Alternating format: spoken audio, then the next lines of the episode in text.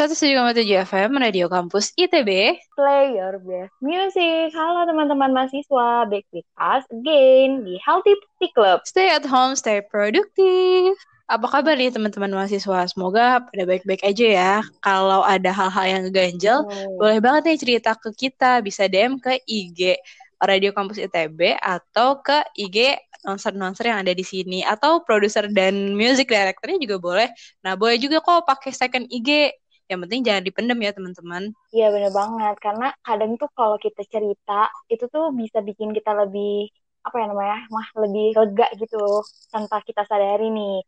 Nah bersinggungan juga sama bahasan kita hari ini yaitu kita bakal uh, ngebahas tentang mental disorder atau mental illness. Nah atau juga bisa kalian sebut mental health. Nah itu tuh apa sih kalian pasti udah pernah banyak banget kan denger kayak kayaknya lagi hype-hype-nya gitu nggak sih sebelum si corona ini si mental illness ini. Nah, hmm. daripada kalian berlama-lama lagi gitu kan ya mah Yoi. Gimana kalau Isma bahas aja?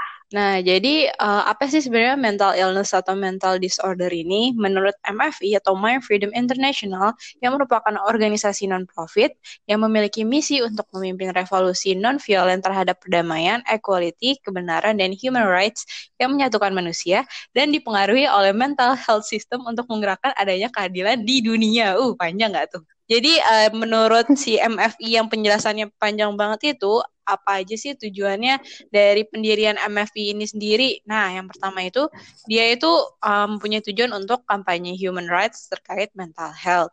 Terus dia juga menentang penyalahgunaan obat dalam industri obat psikiatris. Beberapa orang mungkin menyalahgunakan obat-obat uh, yang digunakan dan jadinya itu salah guna gitu yang seharusnya seharusnya healing healing mereka nyatanya jadi efek sampingnya nggak baik. Nah yang ketiga itu mendukung self determination para psikiatris dan konsumen mental health dan yang terakhir adalah mempromot option yang aman, manusiawi dan efektif terkait penanganan mental health.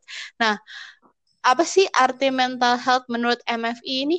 Jadi tuh ada nih kayak uh, link YouTube gitu, cuman karena kepanjangan, jadi aku nggak bisa sebutin di sini guys. Pokoknya kalian tinggal cari aja sebenarnya di YouTube ada. Nah pokoknya intinya di link YouTube itu tuh kejelasin kalau mayoritas survivor uh, psikiatrik ini menolak term dari mental illness yang mensupport adanya medical model dari mental health. Nah medical model ini merupakan dasar dari ide di mana terjadi impairment atau perusakan yang menyebabkan tidak seimbangnya nih neurochemical. Kayak kalau neurochemical kayaknya terlalu ilmiah bahasanya.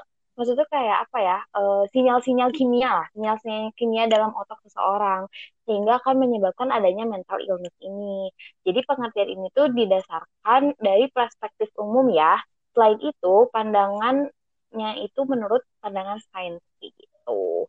Menurut mendiam psikiater uh, Dr. Thomas, Dr. Thomas apa gitu ya guys, tapi aku nggak bisa bacanya, jadi Dr. Thomas aja.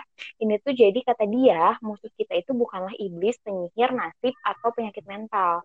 Kami tidak memiliki musuh yang dapat kami lawan, usir, atau diusir dengan obat.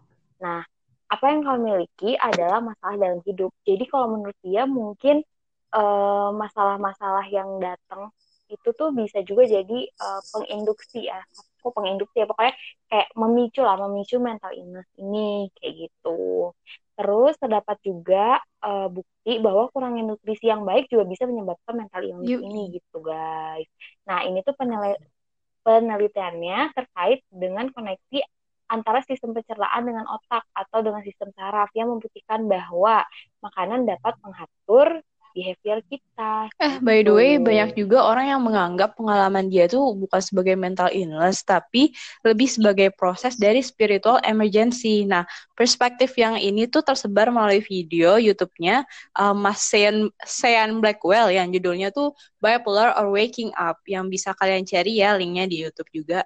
Nah, bisa hmm. disimpulkan dari sini banyak banget nih perspektif soal mental illness teman-teman mahasiswa. Oleh karena itu, yuk kita sikapi mental illness dengan benar. Mau tahu caranya? Stay tune terus. Makanya jangan skip dulu nih, masih banyak pembahasan menarik.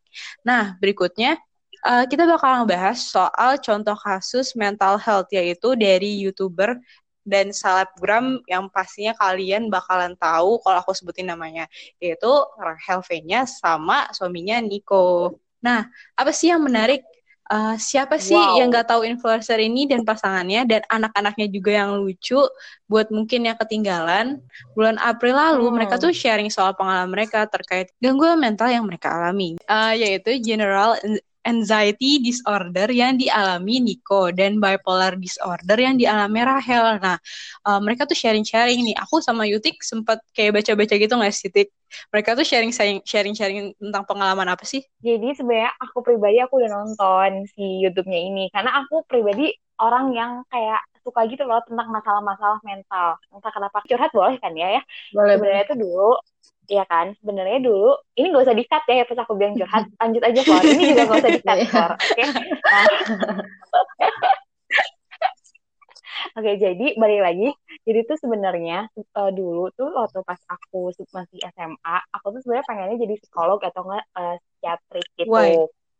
Nah, cuma Kenapa tuh? Kenapa?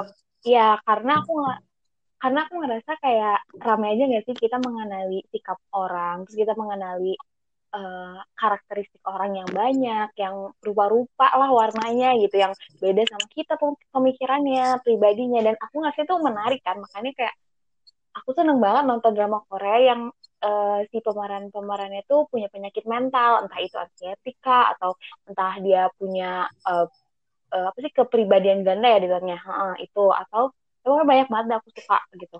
Nah terus tapi karena uh, ada masalah bukan masalah kayak ada sesuatu yang nggak bisa membuat aku tuh ngambil jurusan itu jadi aku ngambilnya jurusan aku yang sekarang. Kayak gitu nada. Nah karena itu aku bener-bener kayak suka gitu tentang uh, mental-mental illness ini. Bukan suka karena apa ya karena mengalami tapi kayak lebih kayak pengen tahu aja sih sebenarnya orang-orang yang uh, mengidap mengidap. Ini kan yeah. sebenarnya penyakit ya kan? Ya mengidap penyakit ini tuh rasanya seperti apa sih gitu. Akhirnya aku nonton nih si Rachel ini. Cuman karena YouTube-nya itu rada lama ya guys. Dan itu isinya ngomong semua jujur emang ada ngebosenin dikit walaupun aku tertarik. Nah jadi di YouTube-nya itu mereka tuh cerita tentang uh, gejala-gejala uh, anxiety disorder dan uh, apa yang satu lagi oh bipolar yang mereka alamin gitu. Dan terus di situ juga ada psikiatrik mereka nya jadi kalau si Rachel dan Nico ini tuh lebih cerita apa sih yang mereka rasain gitu gejalanya. Pokoknya cerita sebagai seorang pasiennya lah gitu. Tapi kalau si psikiatriknya ini tuh cerita emang tentang si penyakitnya dan menjelaskan tentang penyakitnya itu apa kayak gitu. Biar orang-orang tuh nggak salah nangkep kayak gitu. Nah jadi yang pertama itu uh, gangguan yang diderita sama Nico itu dia tuh punya uh, gangguan generalized anxiety disorder. Nah uh, gejalanya itu dia tuh bakal ngerasa kecemasan. Kecemasannya itu yang bener-bener cemas tau gak sih? Orang yang deg-degan parah kayak gitu uh, dan itu tuh biasanya terjadi saat dia mau manggung kayak gitu. Nah terus kalau di pesawat juga katanya dia sering ngalamin hal ini. Nah kalau dari yang YouTube aku tonton itu si Niko tuh sering awalnya tuh dia ngerasa kok aku kayaknya sakit paru-paru nih soalnya setiap aku naik pesawat atau aku mau manggung tuh aku ngap gitu. Kayak ngap nggak bahasa Indonesia kan guys? Oke aku translatein kayak stuck gitu dada tuh kayak gitu. Nah dia tuh ngerasa kayaknya dia sakit paru-paru. Akhirnya dia ke dokter paru-paru. Tapi si dokter paru-paru itu bilang paru-paru yang kenapa-napa paru-paru sehat-sehat aja gitu. Dia bahkan sampai katanya mutusin untuk berhenti ngerokok karena dia ngerasa itu tuh dari rokok kan. Tapi ternyata enggak guys. Jadi setelah dia ke tipis psikiater ini baru dijelasin kalau itu tuh adalah salah satu um, apa namanya gejala ya gejala dari uh, gangguan generalized anxiety disorder ini kayak gitu. Nah kalau Rachel V-nya atau istrinya ini, nah Rachel ini dia mengidap uh, bipolar disorder. Nah bipolar disorder yang dia idap ini sebenarnya udah lama gitu, udah dari sebelum dia menikah dan bahkan waktu dia masih PDKT nih sama Niko. Nah bipolar disorder itu apa? Nah sebenarnya bipolar disorder itu kayak pergantian mood gitu guys, tapi uh, ekstrim. Jadi dia tuh katanya ada dua fase, ada fase manik dan fase depresi kayak gitu. Nah kalau kalian yang ngerasa apa aku bipolar disorder ya, karena satu hari tuh aku bisa kesel banget, terus bisa kayak uh, kesel sedih gitu ya, terus bisa seneng banget. Nah enggak guys, enggak gitu. Ternyata kalau dari ceritanya si Rachel ini dia itu enggak sehari nah, naik turun naik turun moodnya, tapi dia tuh kayak ada fasenya kayak ya lima hari tuh dia sedih gitu, depresi gitu kayak pengen bunuh diri. Tapi lima hari setelahnya misalnya dia tuh jadi kayak seneng, kayak maniak gitu. Maniaknya tuh dia bisa kayak ngerjain banyak hal produktifnya tuh bener-bener produktif kayak misalnya nih ya sehari tuh dia bisa bikin lima YouTube video gitu atau dia tuh bisa uh, misalnya dia kan suka endorsement ya dan dia tuh bisa nge-endorse sampai 50 baju misalnya kalau dia lagi di fase mania kayak hmm, gitu ya. nah tapi kalau misalnya di ya kan? Menarik banget. Tapi kalau misalnya dia lagi di apa ya di sisi depresinya atau di fase depresinya dia tuh bener-bener kayak kamu makan nangis susah tidur kayak gitulah. Pokoknya hal-hal yang seperti itu kayak gitu Nah, menurut Ismah apa nih mah tanggapannya mah dari cerita ini? Anjay, Jadi menurut cerita ini, aku sebenarnya bukan mau ngasih tanggapan sih, karena uh, kalau ngomongin mental illness atau mental disorder sebagai seorang yang uh, sampai saat ini belum pernah mengalami hal itu, aku nggak bisa ngejudge mereka yang mengalami karena aku nggak merasakan kan. Cuman uh, aku Bener. sendiri sebenarnya punya Betul pengalaman sekali. pribadi untuk orang yang orang terdekat aku ngalamin mental illness. Ini aku boleh cerita dikit nggak? Boleh. Boleh, Jadi, boleh, boleh uh, banget baru-baru ini sebenarnya di saat aku masuk kuliah, aku punya salah seorang teman dekat yang uh, dia ini selalu terlihat happy nih guys di luar kan biasanya emang banyak tuh orang-orang yang terlihat happy, terlihat uh, moodnya sangat baik setiap saat dan ceria lah pokoknya di setiap keadaan. Ternyata insight di dalam hatinya mereka sedang tidak baik-baik saja kan. Nah, aku menemukan orang yang seperti itu. Dan uh, dan apa ya kebetulan banget dia emang salah satu temen deket aku. Tapi dia bukan di fakultas kita ya guys. Nah jadi uh, si teman aku ini waktu itu aku sempat aku berteman aku berteman dekat bertiga nih. Jadi pada suatu hari uh, kita ngelihat tangan dia tersayat nih. Dan sayatannya agak mencurigakan untuk sekadar sayatan yang tidak disengaja. Nah, mulai dari sana aku dan teman aku ini mulai curiga kenapa.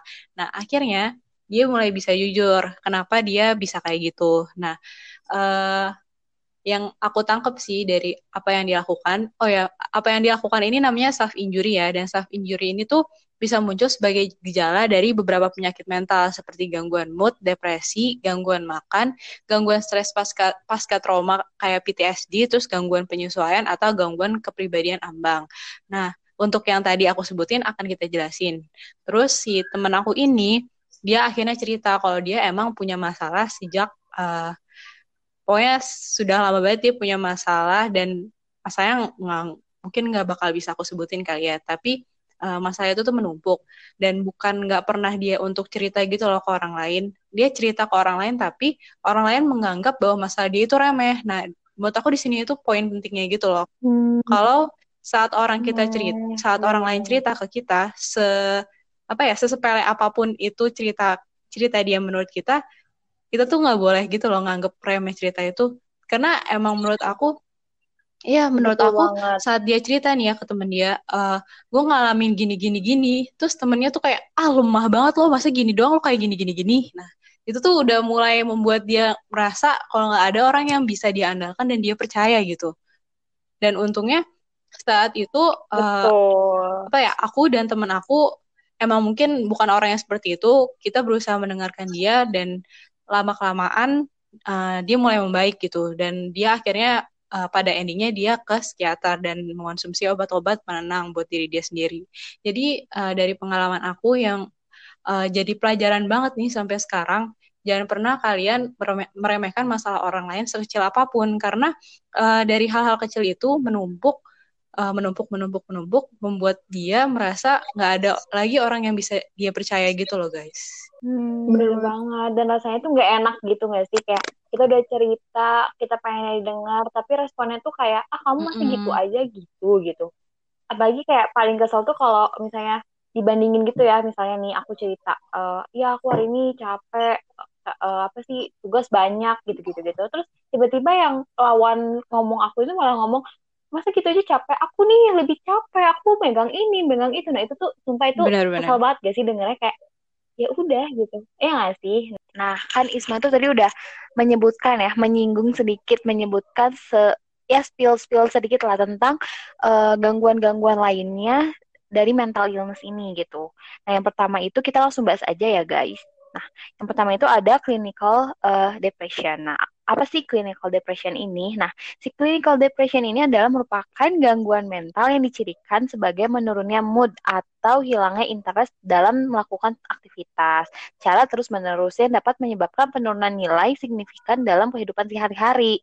Jadi kayaknya kalau clinical depression ini mungkin uh, bisa terjadi sih kalau buat aku mah bisa terjadi ya bisa terjadi sama kita kita yang hmm, lagi kuliah benar, gitu. benar. ya nggak sih? Aku ngerasa uh, mood swing gitu ya, ya kan? Iya benar.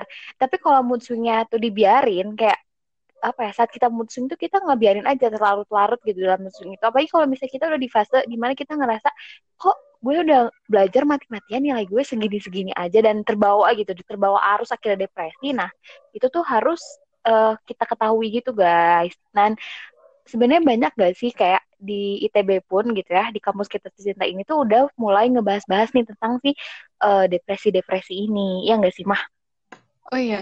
Uh, by the way banget setahu aku uh, aku lupa sebenarnya di ITB tuh klinik apa Bumi Medika Ganesa BMG itu bekerja sama juga sama uh, rumah sakit ada yang tahu? Aku lupa sebenarnya rumah sakit apa untuk masalah mental disorder ini. Jadi uh, yang kita tahu juga emang uh, perpindahan fase dari SMA ke kuliah itu tuh bener-bener kalian uh, berubah banget gitu loh. Dari kalian yang beban akademiknya nggak terlalu banyak terus kemudian kalian uh, pergi kuliah entah kalian jadi bertanggung jawab dengan diri sendiri karena kalian ngekos atau kalian uh, tinggal sama orang lain terus kemudian kalian bertanggung jawab sama lingkungan di sekitar kalian dalam bentuk organisasi misalnya. Nah belum lagi tanggung jawab akademik tuh yang sangat besar ya. Jadi sebenarnya hal-hal yang kayak gini tuh sangat mudah terjadi gitu loh buat anak kuliahan dan uh, di kampus kita sendiri tuh sebenarnya udah memfasilitasi bisa kalian konsultasikan ke lembaga-lembaga yang ada di ITB, terus bisa kalian juga uh, mendapat surat rekomendasi dari BMG, kemudian kalian uh, bisa berobat masalah ini ke dokter-dokter psikiater yang emang profesional di bidang itu gitu. Hmm, gitu. Wow, ini bener-bener informasi baru banget kan aku nggak tahu sebenarnya guys. Nah, tapi selain kayak itu kan berarti apa ya kayak upaya gitu ya, upaya pengobatan dari ITB. Kalau misalnya kalian emang udah ngerasa tuh ada di fase itu. Nah, tapi tuh sebenarnya dari ITB juga ada guys kayak pencegahan-pencegahan biar kita tuh nggak ngerasa depresi atau nggak ngerasa capek kuliah gitu, kehilangan motivasi dan sebagainya. Nah, salah satu usahanya itu kayak dulu tuh ya waktu pas aku TPB, karena kan TPB itu kerasa banget gak sih kayak ngerasa paling bodohnya gitu kan. Nah, itu tuh uh, pas aku TPB tuh kayak dari apa ya namanya tuh yang badan buat TPB-nya tuh apa ya aku lupa namanya apa LTPB. Dari, nah LTPB dari si LTPB-nya ini tuh dia kayak ngechat gitu per, uh, kalian perlu konsul nggak? Misalnya konsul itu bisa konsul apa aja kayak konsul kehidupan misalnya konsul tentang kuliah dan mereka tuh bener-bener welcome gitu. Cuman emang pada saat itu aku ngerasa aku masih bisa tanggung beban itu sendiri dan aku akhirnya bilang e, enggak kak nggak apa-apa aku bisa uh, maksudnya menanggung beban aku. Dan itu tuh ternyata nggak cuman aku kira kan ah ini jangan-jangan aku dianggap uh, depresi atau apa nih saya aku di chat ternyata enggak guys. Emang dia tuh ngechat hampir ke semuanya kok gitu. Karena teman-teman aku juga ada yang di chat kayak gitu. Jadi sebenarnya oh, iya, upaya iya, up, apa? Gimana mah lanjut lanjut lanjut. Lanjut okay. lanjut. Oke. Okay. jadi sebenarnya upaya-upaya di kampus untuk menekan ang, apa ya depresinya mahasiswa tuh udah banyak banget. Dan kayak uh, sebenarnya kalau misalnya kalian gak kebiasa nih cerita sama orang yang gak kalian kenal terus kayak gak, gak biasa cerita ke, ke orang sebenarnya tuh kalian bisa juga loh kayak cerita hanya dalam buku curhatan gitu loh kayak nulis gitu. Itu tuh sebenarnya hal-hal kecil yang bisa membuat kalian tuh merasa nggak menanggung beban itu tuh sendirian gitu. Oh, aku punya pengalaman pribadi sih soal masalah depresi kayak gini. Hmm. uh, aku aku sendiri mungkin ini bisa jadi alternatif kali ya buat kalian. Jadi aku tuh punya satu Instagram account yang isinya tuh bener-bener nggak ada orang dan isinya tuh bener-bener kayak buku buku diary online aku gitu. Jadi kalau aku ngerasa aku mumet, aku pusing, aku mau memaki-maki orang, aku kayak apa ya, aku sebel sama orang dan aku nggak bisa ngungkapin ke orang itu atau ini bukan maksudnya julid ya, ini bukan dalam julid doang. Cuman uh, kalian bisa kok sebenarnya banyak banyak sekali hal-hal yang alternatif kayak gitu dibanding kalian emang nggak bisa ngomong sama orang dan kalian pendam sendiri. Selain buku diary sekarang misalnya bikin Instagram account kayak aku atau kalian mungkin bisa aja ngebacot di Twitter tapi kalian nggak nge-follow orang lain. Jadi kalian membuat uh, fasilitas-fasilitas yang bisa bikin kalian nyaman gitu. Hmm bener banget. Jadi sebenarnya dengan apa ya kata surapah serapah gitu ya sampah yang kalian omongin. Maksudnya ya ya tapi jangan menyinggung orang ya. Maksudnya kayak curhat yang misalnya kan kesel gitu ya luapin aja gitu tanpa menyinggung orang lain tuh itu nggak apa-apa banget ya nggak sih mah? Gitu kan maksudnya. Mm -mm, bener banget bener banget. Hmm Oke, nah selanjutnya nih setelah tadi kita udah bahas sih clinical depression, terus ada people disorder sama anxiety disorder ya. Yang keempat ini ada yang namanya demen, eh apa nih? Oh, dementia. Apa demensia ini demensia. dibacanya? Oh, demensia dibacanya demensia. guys ternyata. Jadi demensia itu adalah sekumpulan pemikiran dan gejala sosial yang mengganggu kehidupan sehari-hari. Atau biasa kita kenal itu kayak ikut gitu. Jadi dia tuh kayak uh, kehilangan gitu, kehilangan kemampuan mengingat, berbahasa dan uh, apa ya kehilangan kemampuan untuk menyelesaikan suatu masalah gitu. Nah, biasanya ini orang-orang yang udah tua itu tuh rentan terkena demensia ini. Terus ada penyakit namanya Alzheimer. Nah, Alzheimer ini dia sebenarnya merupakan salah satu penyakit yang disebabkan oleh demensia ini. Jadi, Alzheimer itu apa? Alzheimer itu uh, ke, ya kehilangan kemampuan mengingat gitu. Kayak yang orang tua suka suka terjadi di orang tua mas aku.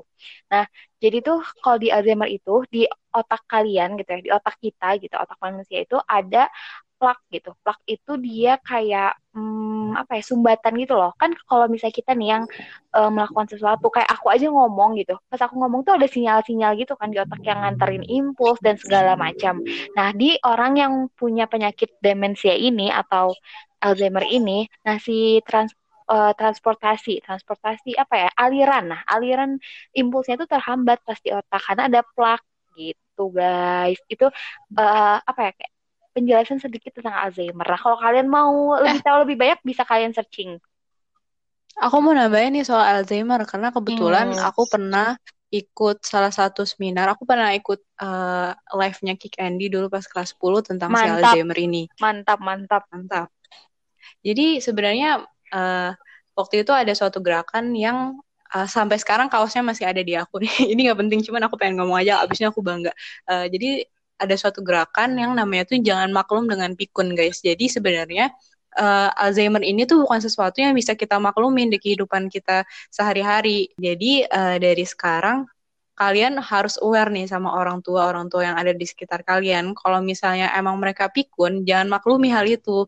Uh, bantu mereka dengan treatment, bantu mereka dengan uh, kepedulian kalian untuk sekadar berusaha untuk nge-recall memori kalian karena sebenarnya itu juga ngebantu mereka guys. Jadi uh, hal-hal kayak gini tuh sebenarnya mungkin emang susah untuk ditanggulangi ketika udah terjadi, tapi ketika muncul gejala-gejalanya kalian bisa nih langsung melakukan antisipasi-antisipasi yang bisa uh, membuat gejala-gejala itu tidak berubah menjadi semakin parah, guys. Gitu. Oh, gitu guys. Ternyata guys dari Isma. Jadi guys, teman-teman mahasiswa. Oke, lanjut. Jadi teman-teman mahasiswa berikutnya itu ada yang disebut dengan attention deficit or hyperactive disorder. Nah, ini tuh merupakan kondisi kronis yang mencakup kesulitan memperhatikan atau fokus terhadap sesuatu hal. Terus hiperaktivitas dan keimpulsifan. Nah, sebenarnya jujur saja aku juga baru tahu ada penyakit ini. Kalau Isma gimana, mah? Kalau aku juga baru tahu sih, cuman mungkin kalau misalnya kita tuh di lingkungan biasa suka iya. ngatain hmm. orang gitu nggak sih yang nggak bisa diem, nggak bisa kayak apa ya ya nggak bisa diem lah pokoknya kayak kita ngatanya hiperaktif. Jadi ternyata hiperaktif ini adalah suatu gangguan guys. Makanya jangan asal ngatain orang hiperaktif hiperaktif aja. Maaf iya, oke okay, next. Oke selanjutnya ada skizo skizofrenia. Nah, skizofrenia ini merupakan gangguan yang mempengaruhi kemampuan manusia untuk berpikir, merasakan, dan berperilaku dengan jernih atau baik.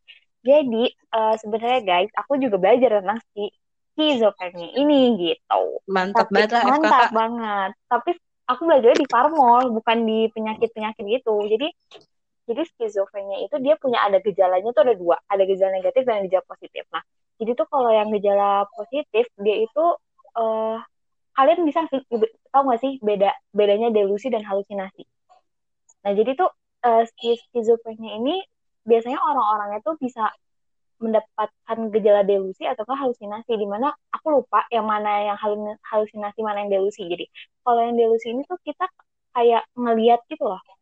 Nanti gak sih? Kayak kalau halusinasi tuh kayak lebih kepikiran kan. Kalau delusi tuh bener-bener kayak kita lihat kayak nyataan gitu kayak kayak terbayang banget gitu ya? Ah, ah, ah. jadi kayak itu tuh kayak seolah-olah nyata. Kayak misalnya nih aku lagi jalan terus aku tuh ngerasa di belakang aku tuh ada orang yang ngikutin dan itu tuh bener-bener kerasa dan aku tuh ngerasa emang bener-bener ada. Nah itu tuh delusi gitu kalau nggak salah ya. Hmm. bener gak sih? Kalau nggak salah sih hmm. gitu kalau halusinasi tuh lebih kayak pikiran kayak uh, dari pikiran kalian tuh kalian ngebayangin um, apa ya kayak kalian lagi diem lagi diem tapi kalian tuh mikirinnya tuh kayak kalian tabrakan atau ada orang mau bunuh kalian. Nah itu tuh kayak di otak tapi di seharian kalian tuh diem gitu. Kalau delusi tuh kalian uh, lagi melakukan aktivitas Seakan... sesuatu gitu. Akan akan itu emang jadi hidup kalian gitu loh. Nah hmm. itulah gangguan hmm. yang terjadi sama orang-orang yang uh, terganggu sama mengidap. uh, ya skizofrenia ini. Dan sebenarnya uh, kalau misalnya ada orang-orang yang terganggu sama skizofrenia ini kalau menurut aku apa ya kita sebagai orang yang lihatnya kan pasti ngeliatnya kayak kenapa sih nih orang gitu aneh ya? gitu ya? Uh, aneh kan. Karena emang mungkin paling terlihat gak sih gitu? Karena dari sisi uh, itunya mungkin emang lebih kelihatan gitu loh dari gejalanya gitu. Lebih kelihatan gak sih daripada uh, si uh, disorder disorder yang lainnya gitu gangguan gangguan yang lainnya. Jadi menurut aku kalau misalnya kalian ada teman yang punya gejala-gejala seperti ini kayak sering berhalusinasi sering berdelusi dan kayaknya udah parah banget itu tuh bener-bener deh. Sebenarnya semuanya sih ya semua gejala tentang si mental illness ini men menurut aku bener-bener harus kalian bimbing ke tempat yang tepat gitu. Oke okay? lanjut. Lanjut jadi yang selanjutnya ada obsessive compulsive disorder atau yang disingkat OCD oh kayak diet ya dietnya Deddy Komputer OCD iya. Bukan yang itu ya guys. Mohon maaf. Oh iya. Salah. Ya nggak apa tadi kan serius gitu ya bahasanya okay. ada mencondong dikit. Aku juga dulu diet guys. Oke okay, lanjut. Jadi obsesif compulsive disorder ini merupakan kelebihan atau obsesi yang mengacu pada kebiasaan repetitif. Apa nih? Eh bukan repetitif tapi repetitif atau kompulsi kayak gitu. Aku pernah dengar sih. Kalau Isma pernah dengar gak hmm? kalau aku tuh punya apa ya aku tuh merasa uh, orang-orang yang punya kayak clean freak gitu tuh OCD bukan sih? Abisnya sering aku dengar-dengar ya kalau misalnya orang yang uh, sering membersihkan sesuatu terlalu sering atau nggak bisa ngelihat kotor itu tuh termasuk salah satu uh, pengidap gangguan OCD ini. Nah, Hmm, Menurut iya, aku benar. OCD ini tuh sebenarnya tuh bisa disembuhkan dengan treatment beda dengan disorder-disorder lainnya. Mungkin bisa yang lain, cuman yang aku tahu banget OCD ini tuh ada treatment khususnya gitu loh yang bisa membuat dia itu lebih baik untuk uh, masalah OCD-nya. Oh, gitu. Iya sih bener ya. Aku juga aku tuh gak asing gitu dengan nama OCD ini. Bukan OCD dia mm -hmm. ya guys, tapi bener-bener OCD ini aku juga emang gak asing. Cuman aku lupa itu yang yeah, bener -bener. yang clean freak itu ya. Iya, hmm. oh ini fun fact guys, kan ayah aku tuh sangat bersih ya orangnya ya, kayak uh, geratak banget gitu loh, kayak dikit-dikit bersihin, dikit-dikit bersihin. Terus sering dikata-katain gitu loh sama apa bukan dikata-katain juga sih dibercandain gitu sama kakak dan adik-adik aku kayak ayah aku OCD clean freak gitu karena uh, sejak itu loh OCD tuh mulai terdengar apa ya tidak asing di telinga aku karena hmm. emang salah, salah seorang di rumah aku tuh seperti kayak gitu ya tapi kita mau Kayaknya himbau bukan kita itu ya. himbau ya. gitu ya maksudnya jangan jangan jadiin bahan bercandaan guys tapi iya benar jangan jadiin Iya, jangan jadiin bahan bercandaan sih. Dan menurut aku hal-hal kayak gitu tuh justru seharusnya kalian peduliin gitu, bukan jadiin bercandaan. Ah, tadi tuh kita udah bahas beberapa gitu ya. Aku sampai lupa kita udah bahas apa aja. Nah, ini ada dua yang terakhir, guys. Kalian pasti udah bosan dengerin podcast kita kan? Atau enggak? Semoga tidak. Enggak ya. dong. Jangan dong. Oh iya dong jelas, asik banget dengan podcast Yutika dan Isma. Oke lanjut. Yo dan Darin dan Fori. ya, ini gak usah di-cut guys, ini rame. Oke, okay. Jadi ya lanjut. Jadi yang kedua terakhir nih ada autisme. Sebenarnya aku bingung deh. Oh ini tuh mental juga ya, gangguan mental juga ya autisme. Oh iya, itu gangguan mental.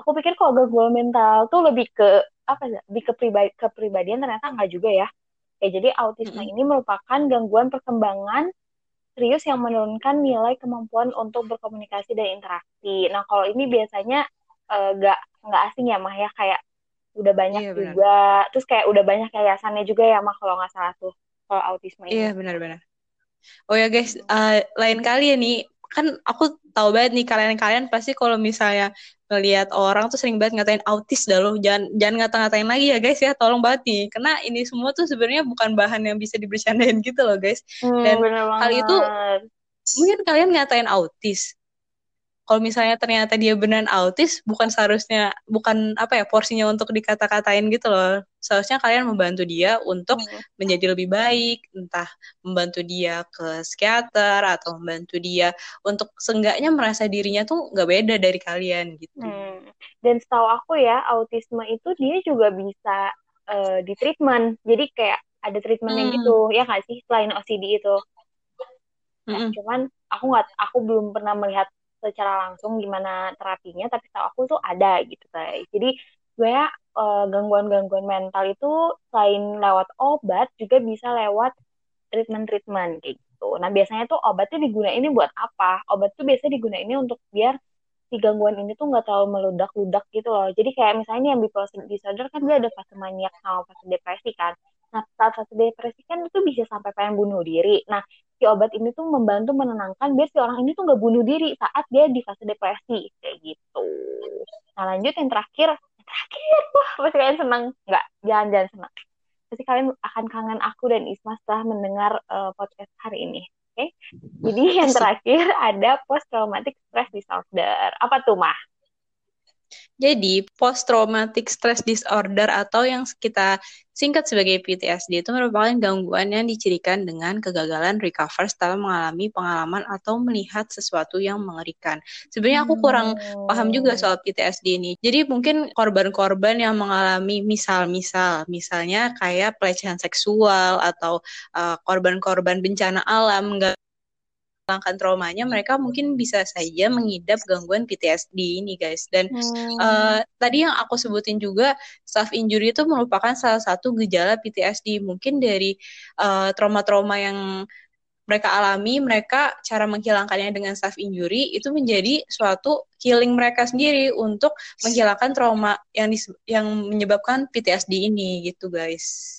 Dan hal hmm. ini tuh sebenarnya uh, menurut aku tuh butuh banget kepedulian orang-orang sekitarnya untuk membuat dia tuh lupa dengan apa yang menjadi trauma trauma dia. Karena dari yang pengalaman yang aku uh, bukan aku sih maksudnya kayak teman aku alami ini sebenarnya dia tuh butuh orang yang bisa membuat dia tuh lupa dengan apa yang dia alami. Karena saat dia sendiri dia itu mulai merasa benar-benar ada di bawah banget.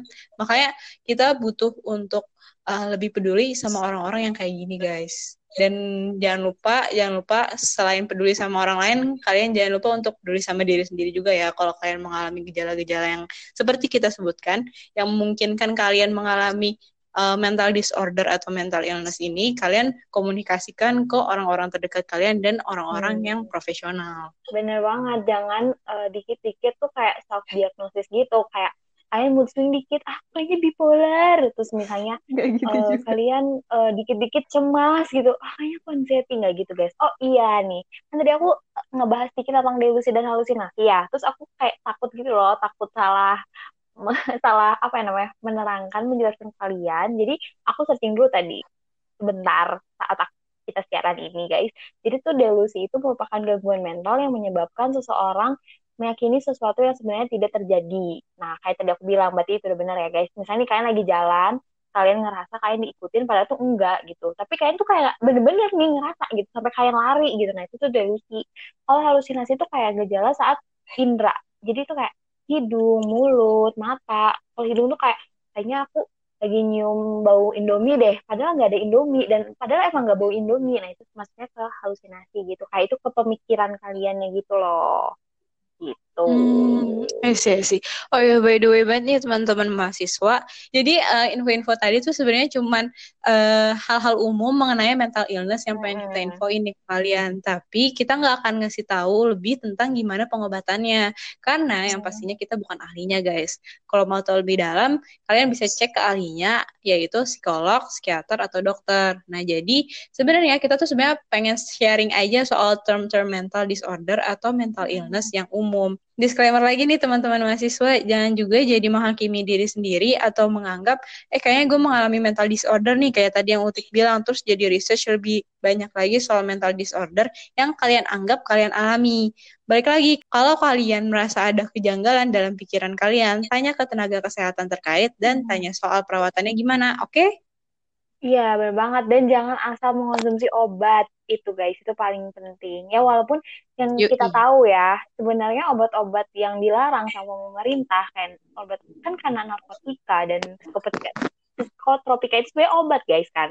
Cuman karena emang pemakaiannya itu dibatasi dan ada hukumnya juga, eh, karena banyak disalahgunakan, itu tuh sebenarnya adalah obat-obat yang digunain untuk eh ini penyakit-penyakit mental ini gitu makanya kalian jangan sampai kayak apa yang self diagnosis akhirnya beli obat-obatan yang menurut kalian kalian butuhkan gitu loh padahal enggak. Makanya jangan sampai. Jadi intinya aku Isma dan tim siaran kita Healthy Quality Club dari dan Story ini cuma mau sharing dan menjelaskan sedikit aja seperti doang nih tentang eh, gangguan-gangguan mental yang berada di masyarakat sekitar kita atau yang ada di dunia ini gitu. Kayak gitu. Biar kalian tahunya Bener nggak banget. Iya, biar kalian tahunya nggak cuma dari drama Korea aja kayak aku Iya, aku tahu dari gitu. drama Korea. Tahu gak? Aku mau nambahin. Iya aku mau kan, Iya, aku kan? juga. Itu aku. Oh, Jadi aku Boleh, nonton Prison Playbook. Kalian nonton gak?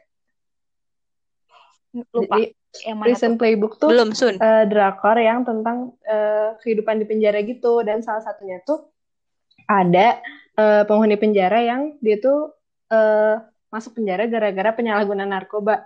Dan di situ tuh kelihatan banget mereka tuh dampak dari penyalahgunaan narkoba yang awalnya mereka kayak stres, kayak em, depresi kayak gitu-gitu. Terus mereka ditawarin narkoba sama temennya. Terus akhirnya mereka nyoba. eh, gak cukup sekali nih nyobanya. Jadi kecanduan, kecanduan, kecanduan terus. Sampai eh, kayak dampaknya tuh berat banget. Dan kayak ketergantungannya tuh gak bisa lepas gitu loh guys. Jadi kayak sekalinya kalian nyoba narkoba itu tuh nggak nggak akan bisa nggak akan bisa berhenti gitu loh. Jadi pilihannya cuma dua di antara nggak nyobain narkoba sama sekali, narkotika maksudnya, nggak nyobain narkotika sama sekali atau ya itu nyobain sekali dan kecanduan sampai seterusnya.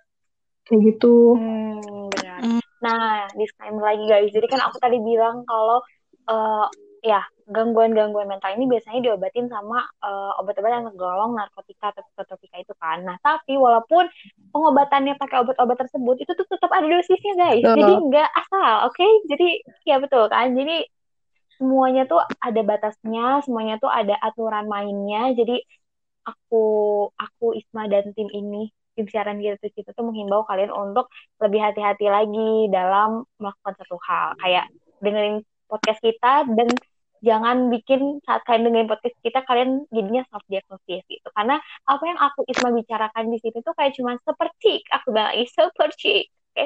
Seperti dari eh, info-info tentang si gangguan mental ini gitu. Karena bener kata Isma tadi kalau kita tuh bukan ahlinya. Kita lulus aja belum guys gitu.